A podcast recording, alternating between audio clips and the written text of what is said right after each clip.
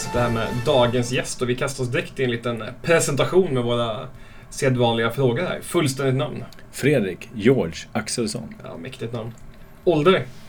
45. Bor? Hemma. Vart ligger hemma? Någonstans utanför Uppsala. I Bärlinge.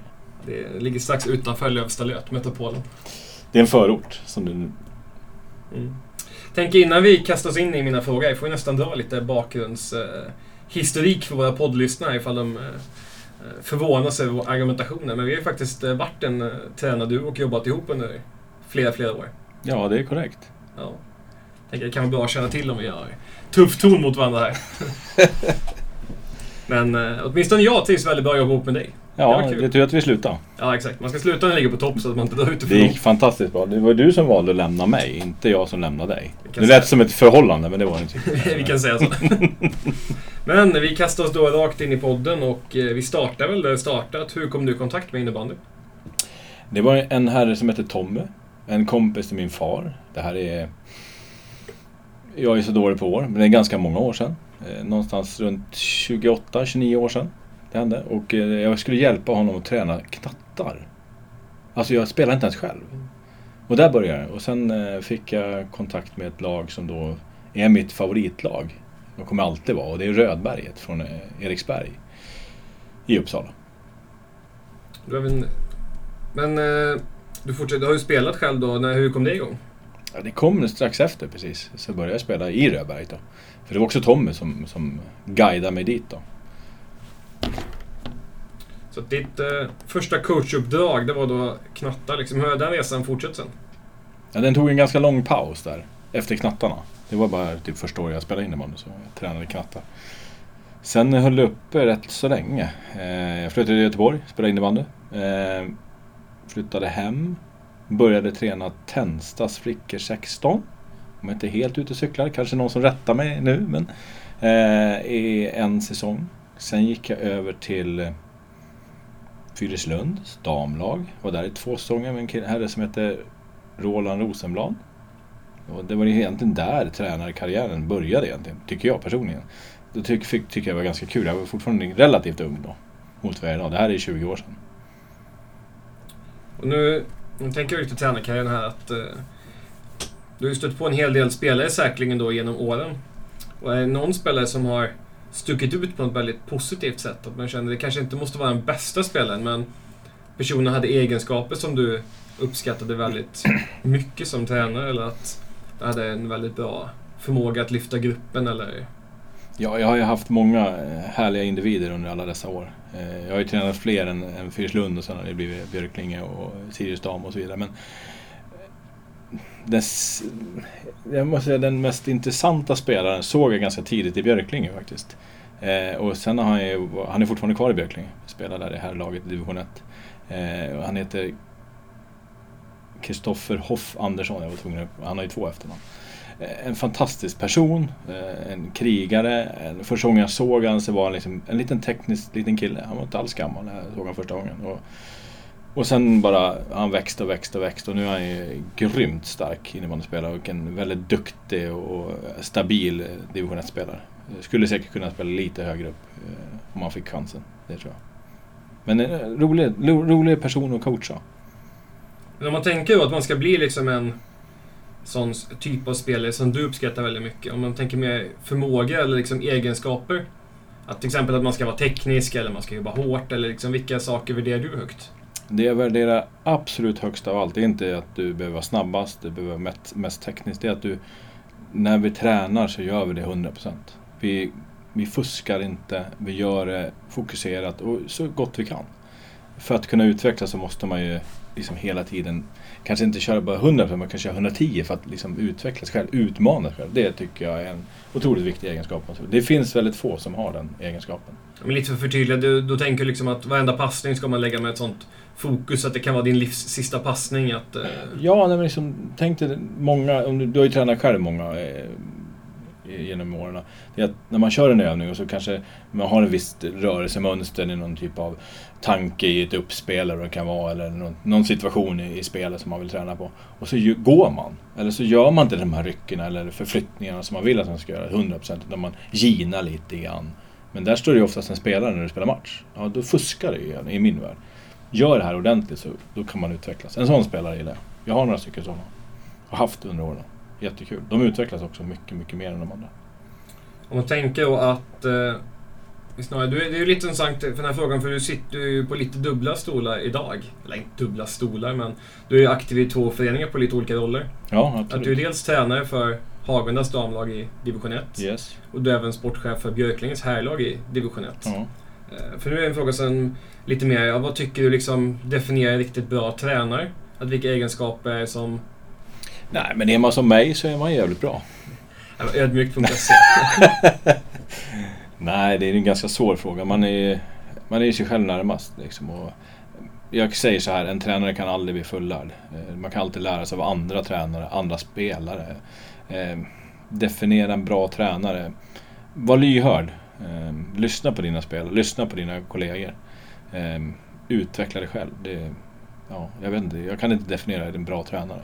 Men jag säger, lyssna mycket, det, det är jätteviktigt. Och sen vara tydlig med de direktiven du ger. Du har nämnt lite med lyssna just, men om man då tänker att man är en tränare som har ambition att man vill utvecklas och man vill bli stark i sitt ledarskap. Att vad tycker du liksom är ett bra sätt om man vill utvecklas och lära sig mer? Ja, det var en ganska komplex fråga. Ja, det bara svåra frågor. Ja, i alla fall för mig. Jag är ganska enkel med det. Nej. Men, eh, nej, men för att lära sig mer, man får ju titta på andra, hur de jobbar. Eh, Allt ifrån eh, superligatränare eh, till flick-pojktränare. Alltså det finns ju individer som har ledaregenskaper. Och beroende på lite vad man jobbar med också, så kan man ta med sig jobbet och sina ledaregenskaper därifrån till innebandyn också. Jag tror den här ledaregenskapsbiten är ju lite underskattad tror jag. Eh, och lite, man fokuserar inte så mycket på den. Eh, vad jag tycker. Det Kanske inte var riktigt svar på din fråga men jag, jag Nej, men jag tycker jag, jag är nöjd med svaret. Där. Skapligt i alla fall. Ja. Vad var det som gjorde liksom att du fastnade för innebandy? Liksom? Du hoppade från tränarspåret tillbaka till dig själv som person. Här. För du, jag misstänker att du som säkerligen många i din generation testat flera olika typer av idrotter. Ja, jag har eh, provat på det, mesta. Tänkte säga. Det är handboll, eh, fotboll, eh, hockey, ja, tennis. Vad var det då som gjorde att innebandy var det du, som du fastnade för och håller på med än idag? Det, ja, ganska enkel sport, rolig, full fart. Eh, den, då när jag startade det var den ganska ung. Och det fanns ju fantastiskt mycket utveckling på den. Och det, och det har ju utvecklats enormt sedan en annan början. Så det var väl därför man fastnade för den. Så Just att den var enkel och liksom, det var inte... Eh, sen i den perioden när man började också, då hade man ju tränat hockey mycket och vi tränade extremt mycket. Och det, det är inte för att man... Många säger att ja, det är lata hockeyspelare som blir innebandyspelare. Nej, det är inte riktigt sant. Utan här är det mer att... Eh, mer familjärt, mer kompisgrej fast ändå på lite allvar. Det var det jag fastnade för från början. Sen är det en... Det är bara, det är, jag kan inte säga annat än det är bara sjukt rolig sport. Ja, men det är ett, eh, ett intressant upplägg. Framförallt om man jämför många olika idrotter, att oftast blir de ju lite mer statiska och ett uppställt spel. Innebandyn blir ju mer liksom coast to coast inspirerad. Men Så var, jag, var det ju från början eh, när den, den startade. Spelarna var ju för dåliga för att ha ett uppställt spel. Sen blev de lite för bra en period. Eh, Och då vart det mycket uppställt spel. Jag vet inte, 90-talet, mitten på 90-talet. Nu kanske jag säger helt fel. Ni får rätta mig och skicka någon mail till Johan och gnäll på att Ja, jag tar fel, fel årtal. Men någonstans eh, slutet av 90-talet så var det mycket statiskt spel. Alltså det var mycket spela boll, boll, boll. Det hände. Det var lite handboll man spelade och sen gjorde man någonting. Men det försvann ganska fort och det var ganska skönt. Nu är, nu är innebandyn mer fart idag än vad den var någonsin har tycker jag. Och det ger ju oss en perfekt övergång till nästa fråga här. Att om du ska bygga ett försvarsspel, Mm. eh, hur skulle du i en utopi, nu behöver vi skiter vilket lag, vi hittar på ett lag du tränar som har alla fysiska egenskaper för att spela all form av innebandy. Liksom. Så du behöver inte tänka att laget har någon begränsning. Men i en utopi, hur skulle ditt försvarsspel se ut då? Ställ innanför blå och sen kontra. Nej, det vill jag absolut Parka inte. bussen. Parkera bussen. Nej, i straffområdet. Nej, det vill jag absolut inte. Jag, jag hade nog spelat väldigt, väldigt högt. Jag tycker innebandy ska spelas högt. Och det, man vill vin- vinna bollen högt. Sen variera spelet, tror jag. Är min liksom, drömscenario att kunna ha både och. Liksom. Men aldrig backa hem. Du Aldrig. sitter hellre på initiativet och kan vara med och påverka matchbilden. Ja men absolut. Är de andra bättre att spela bortåt? Ja, då är det väl så. Då, då får vi träna lite hårdare. Men om vi då tänker oss in lite mer i en lagroll, vi säger vi hittar på ett fiktivt lag igen då, Mm. som, vi, som du tränar för. Att om du ska implementera ett nytt försvarsspel, skulle du titta mest på lagets egenskaper eller har du en modell du vill jobba med oavsett vilka förutsättningar du har i laget? Nej, men tack vare att min modell idag, som jag jobbar med, som jag kan direkt eh, översätta det här på, det är ju att vi spelar alla typer av spel. Det innebär att jag har inget, det jag kan anpassa utifrån de spelarna jag har, mer eller mindre. Så sätt. Och då får man fokusera på det som funkar bäst. Och sen kan man adda till det andra som inte funkar så bra. Men kan det innebära att olika formationer spelar olika högt eller lågt i försvar? Eller? Absolut, absolut. Jag ser det, det är bara kul. Det blir jobbigt för motståndaren också. Upplever du några svagheter i det? Liksom att när vi är mitt i ett byte, att det kan bli förvirring eller liksom... eh, ja, så är det Men sen är det ju så också om man spelar olika typer av spelsystem. Då blir det väldigt rörigt. Men ofta så löser de själva bytet i sig. Men det är att, att lära sig alla de här typerna. Vilka ytor ska jag täcka som forward? Eller nu är jag mittfältare för jag spelar 2-2-1. Och vart ska jag täcka? Det, det är de här momenten som kanske är svårast. Men jag tycker det är intressant. De får ju lära sig mycket. De får ju förstå innebandy på ett helt annat sätt. Man vill ju tro att den processen kommer vara extremt värdefull för spelaren. Jag hoppas det. Det är vad jag tror. Vi går vidare lite mer till eh, träningsplanen då. Mm. Att eh, vad är för dig en bra innebandyövning? En bra innebandyövning är först och främst att eh, många är aktiva. Eh, för mig är jätteviktigt. Vi är ganska många på träningen just nu som vi kör och jag vill ha mycket folk på träningen. Jag tycker det är roligt. Eh, men då kan jag inte ha tio stycken som står i led. Det, det går inte. Utan man lär sig ingenting av att stå i led. Jo, och bli lat möjligtvis. Så då får man vara lite aktiv. Så jag tycker om med mycket moment där du, du får tänka som spelare. Så du inte bara nöter in någon typ av löpsträcka hela tiden. Så nöt, nöt. Utan det kan du göra. Du kan köra samma övning. Alltså, inte så länge. Det är jätteviktigt. Jag vet inte hur detaljer ska gå in men man får inte köra övningen för länge. Det är jätteviktigt för att spelarna tröttnar, eh, tappar fokus. Vill man köra längre, ja men kör en några minuter, sen bryta av den, prata om detaljer generellt och sen starta igång igen. Men det, det är mycket fart, eh, mycket passningar, mycket moment. Så de får tänka lite så det inte blir så slentriant, kan man säga så? Ja, men det var en väldigt bra sammanfattning. Eh, och det för oss vidare till en uppvärmning inför en match. Att vill du ha samma liksom, egenskaper på matchuppvärmningen som på en vanlig träning? Eller liksom, vad tänker du att det är för skillnad på uppvärmningen inför en match? Då? Ja, från min perspektiv som jag tycker när det gäller matchuppvärmning så vill jag ju först och främst att de blir ordentligt vän med bollen, i, om man säger innebandymässigt. Sen fysiskt ska de vara liksom där och vara riktigt varma och liksom få stretcha ut och det de behöver göra. Det är jätteviktigt, det får man inte glömma. Men just att de klubbar boll kommer igång ganska tidigt. Och sen har man ganska bra fart på uppvärmningen. Eh, jag måste bara flika in, jag såg en uppvärmning och ta åt det här Mullsjö. För det här är något år sedan jag var ute och reste så var jag och kollade på Mullsjö mot Lindås. Eh, och jag var där så tidigt så jag såg hela uppvärmningen. Och den uppvärmningen som Mullsjö visade då, det, nej, jag, jag blev alldeles rörd. Det var så ruskigt bra. Det var så mycket fart. Eh, det var... När de skulle byta övning så var alla med och flyttade bollarna. Det gick så glödfort. I allt liksom. Men, alltså, ja, det var en bra eh, uppvärmning. Jag var såhär, shit. Jag var, så jag var tvungen att filma och sno några övningar. Så. Tack så jättemycket Mullsjö. Ja, men det är en intressant spaning. Jag har faktiskt också sett... Vi har ju sett någon Mullsjö-match här i Uppsala också där vi gjorde... Man kunde göra precis samma analys liksom. Mm. Att väldigt synkat, alla visste vad de skulle göra. En jäkla power i momenten. Och Ja. Det jag kan gilla också, det var liksom att alla moment som finns på en match ska Mm. ju ske på uppvärmningen. De hade närkamp, de hade matchspel, de hade maxlöpningar, de hade tre, fyra passningar i rad. Att det var liksom allt det man kan bryta ner spelet till. För det är någonstans det man vill få in Ja, på jag håller uppvärmningen. fullkomligt med dig där. Och lite maxpuls också, det är viktigt. Ja, det, jag tycker du sammanfattar det väldigt, väldigt bra Johan.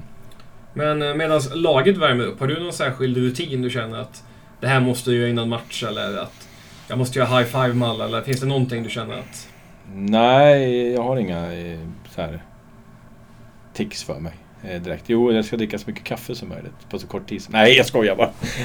Nej, men jag... Precis, jag, kör tävling i ledarstaben, vem som dricker mest kaffe. ja, den vinner jag. Eh, nej, men det som jag kanske gör just när de andra värmer upp, det är att jag går och, liksom, jag går och kikar på hur, hur, de, hur de ser ut i ögonen. Eh, för att se lite grann hur de, är- hur de är. Liksom, vilken status är den på dem. Det är väl det jag gör. Pratar lite grann med några spelare. Ja. Nej, sen går jag mest och... Jag vill bara se till så att de är på rätt... rätt vad ska man säga? Med rätt mode. Ja, men lite så. Det är jätteviktigt. För känner jag att liksom det här är, det är för dålig uppvärmning. Eller det är för långsamt. Eller det går lite... jag har inga bra ord för det, men då brukar jag säga till vår kapten. Ja, man känner ju lite, de är av eller på. Ja, men då säger jag till vår kapten, samlas vi i målet så pratar ihop er och nu sätter vi igång och så gör vi det här lite, lite bättre. Så vi är på tårna när vi startar matchen. För annars har man ju tappat första fem och då har man släppt in fyra mål. Då blir det jobbigt då. Ja. Jag har inte heller någon sån här superrutin inför matcher, något jag måste göra. Men jag har faktiskt en spelare som har fått för sig att de måste tunnla med i varje uppvärmning. Mm. Den är lite halvjobbig. Mm, det får man ju acceptera. Ja, ja. Då får man ju bjuda på det. Ja. Jag är bra på att bli tunnlad, så att det... Jag, jag har ju mina tofflor jag måste ha på mig. Ja, men där har vi ju någonting. Ja, det måste jag annars är det ju kört. Har jag inte dem, då förlorar vi. Ja, men det, det har jag märkt förut att Ja. det var någon match hade vanliga skor, då blev det Ja. ju torsk. Ja, direkt. Ja. Och det är en men det är, en, det är faktiskt en av mina grejer. Det måste jag ha. Badtofflor. Om vi då tar oss vidare till, eh, till själva matchmomentet då. Mm. Att eh, vi leker med tanken att ni får ett eh, powerplay. Vilka egenskaper i ett powerplay tycker du är viktiga? Inte släppa in mål. Ja, det är en bra start. Ja. Det, är, det är där jag jobbar med mitt lag nu. Att vi, börjar så här, vi, spä, vi släpper inte in mål på de här två minuterna. Ja. Kan, kan vi ha spelet under kontroll, kanske komma till avslut, då, är det bra. Men- Ja, ja men nej, det var väl så lite grann. Det beror på vilka, vilka lag man har och vilka, vilken nivå man tränar på. Det. ju. Eh, De jag tränar nu idag så är det mer att hitta ett, ett avslut på ett bra läge och ha lite tålamod. Alltså det, man kan röra sig, man kan flytta bollen bra. Det kan de flesta. Sen är det att hitta läget och ta läget. För oftast så hittar de läget men de tar inte läget. Det är det som jag tycker att gör det inte så jävla konstigt. Men då skulle jag gå vidare till en lite mer generell innebandyfråga. Att, eh, du tränar ju för ett lag som är 7-9 år gamla. Så att Mm. de är alltså på grön nivå. Mm. Vad innebär tre- grön nivå? Ja, det är 7-9 Nej, jag skojar år. bara. Ja, Ja, okej. Nej, men du spelar tre mot tre Ja. matcher och liksom... eh, De flesta är nog ganska nya i sporten liksom. Vad skulle du lägga fokus på under de träningarna? Oj, leka, ha kul, leka klubba boll. Inte, många gör ju andra typer av grejer, men jag vill eh, hålla lite innebandy. Kör lite innebandy, brännboll, lite stafetter, bara för kul skull. Det behöver inte vara tävlingen i sig, utan mest liksom man, man gör lite roliga saker med innebandybollen och klubban. Det kan bara vara med bollen man går runt och sparkar den, men jag tycker ta med klubban också. För det, det är så nyttigt att få dem att dribbla lite grann, köra lite koner, köra lite kongrejer och gå på lite avslut. Eh, ja, nej, men det... Ha roligt helt enkelt. Eh, ha så mycket glädje, men de är så pass små så jag menar det... Det är bara låt dem få liksom älska sporten. Snyggt. Ja, det är en väldigt intressant ålder just eh, nu ska introduceras till idrotten. Liksom, för den, nu när vi jobbar här, liksom, det har ju varit, i coachpodden har det varit väldigt många tränare på seniornivå som är Mm. jätte, jätteduktiga. Men eh, man slås av det jobb som tränare för ungdomslag gör. Att, Jättefantastiskt. Jag håller fullkomligt med dig. Jag själv inte har haft så många ungdomslag som jag har tränat. Jag tränar några stycken, absolut. Men inte på den. Inte så unga har jag inte tränat. Men jag har sett många. kanske kan bli nästa uppdrag. Mm, pass på den frågan. Men eh, vi går vidare till då vår, eller min personliga favoritfråga. Eh, din drömuppställning.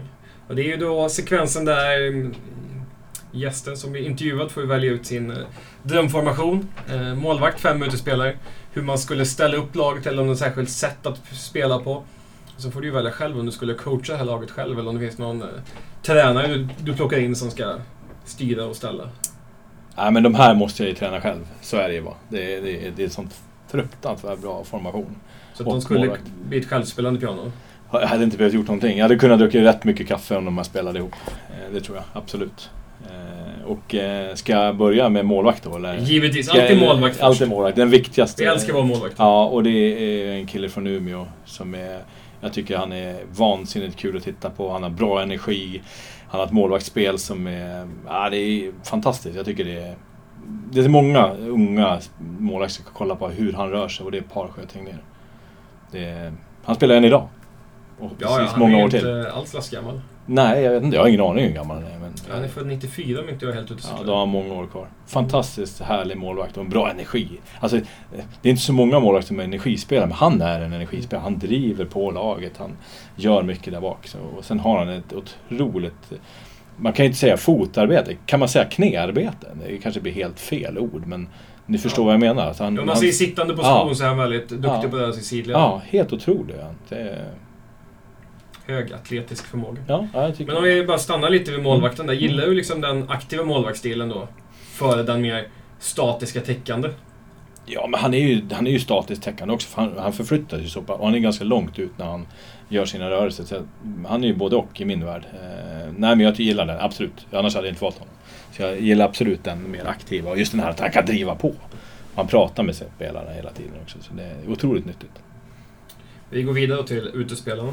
Ja. Tänker vi oss den här klassiska skissen med två backar och kedja framåt, eller hur? Ja, jag spelar ju en 2-3 helt enkelt. Eh, sen, sen vart någonstans eh, centerforward av de där tre framåt, det, det, det kvittar nog faktiskt. Jag kan ta en som center, jag har valt en som center ändå. Men backar, vi börjar med det. Jag har ju en favorit som är från Uppsala. Eh, som heter Mattias Samuelsson som har spelat innebandy i X år. Eh, Måste ju tillägga också så att ingen från Åkersberga blir kränkt att han är faktiskt från Åkersberga från början. Ja, fantastiskt kul. Eh, fantastiskt trevlig människa. Eh, ödmjuk, eh, härlig på alla sätt och, och, otroligt eh, temperament på planen och krigar i varenda millimeter där ute och ger aldrig upp. Har varit kapten i många år. Vet inte om han har varit kapten i landslaget med till och med. Kanske någon gång. Jag tror att han har varit det någon gång. Jag är inte helt hundra på det men jättehärlig. Bra spelartyp. Sen har vi en, en, en äldre herre som inte spelar idag som kommer från Pixbo och heter Peter Bodén Oj! en back eh, som sköt som en häst. Eh, och nu är det så att jag har ju en lite äldre spelare med här. De kanske inte riktigt lika bra idag om vi skulle spela dem, men då hade de varit Det är alltid du som sätter referenserna. Det är, så det är, jag misstänker det är väl många du har sett från din tid här i... Ja, men det är, det är Göteborg. Ja, det är absolut. absolut. Det, det är en utav dem från Pixbo. Och jag har ju faktiskt en till från Pixbo som är ah, han hade inte så jättelång karriär men var en fantastisk innebandyspelare och ett spelsinne utav dess like. Eh, vann VM-guld redan 94? 96 kanske då? I Globen. Det är, för, för, det, det är inte före min tid, men jag, jag var inte så mottaglig de åren. Det var ganska Det var nog 96 kanske. Ja, spelar ingen roll. Ni andra kan säkert årtalen. Men första VMet som gick hemma i Sverige eh, var med och vann. Han hette Magnus Augustsson. Också från Pixbo. Så, eh, alltså, eh, ja, de, de gjorde så fantastiska mål den där trion med eh, Niklas Gide, Augustsson och sen var det en kille till som heter Martin Olofsson. Som är från Övik från början. Eh, han, han kunde göra mål på alla möjliga konstiga sätt. Eh, och det är också min en, första forward också. Ja, men precis. Och det är Martin Olofsson. Ska man säga det? eh, Hon passar ju fantastiskt bra in här. Hon heter Vera Kauppi.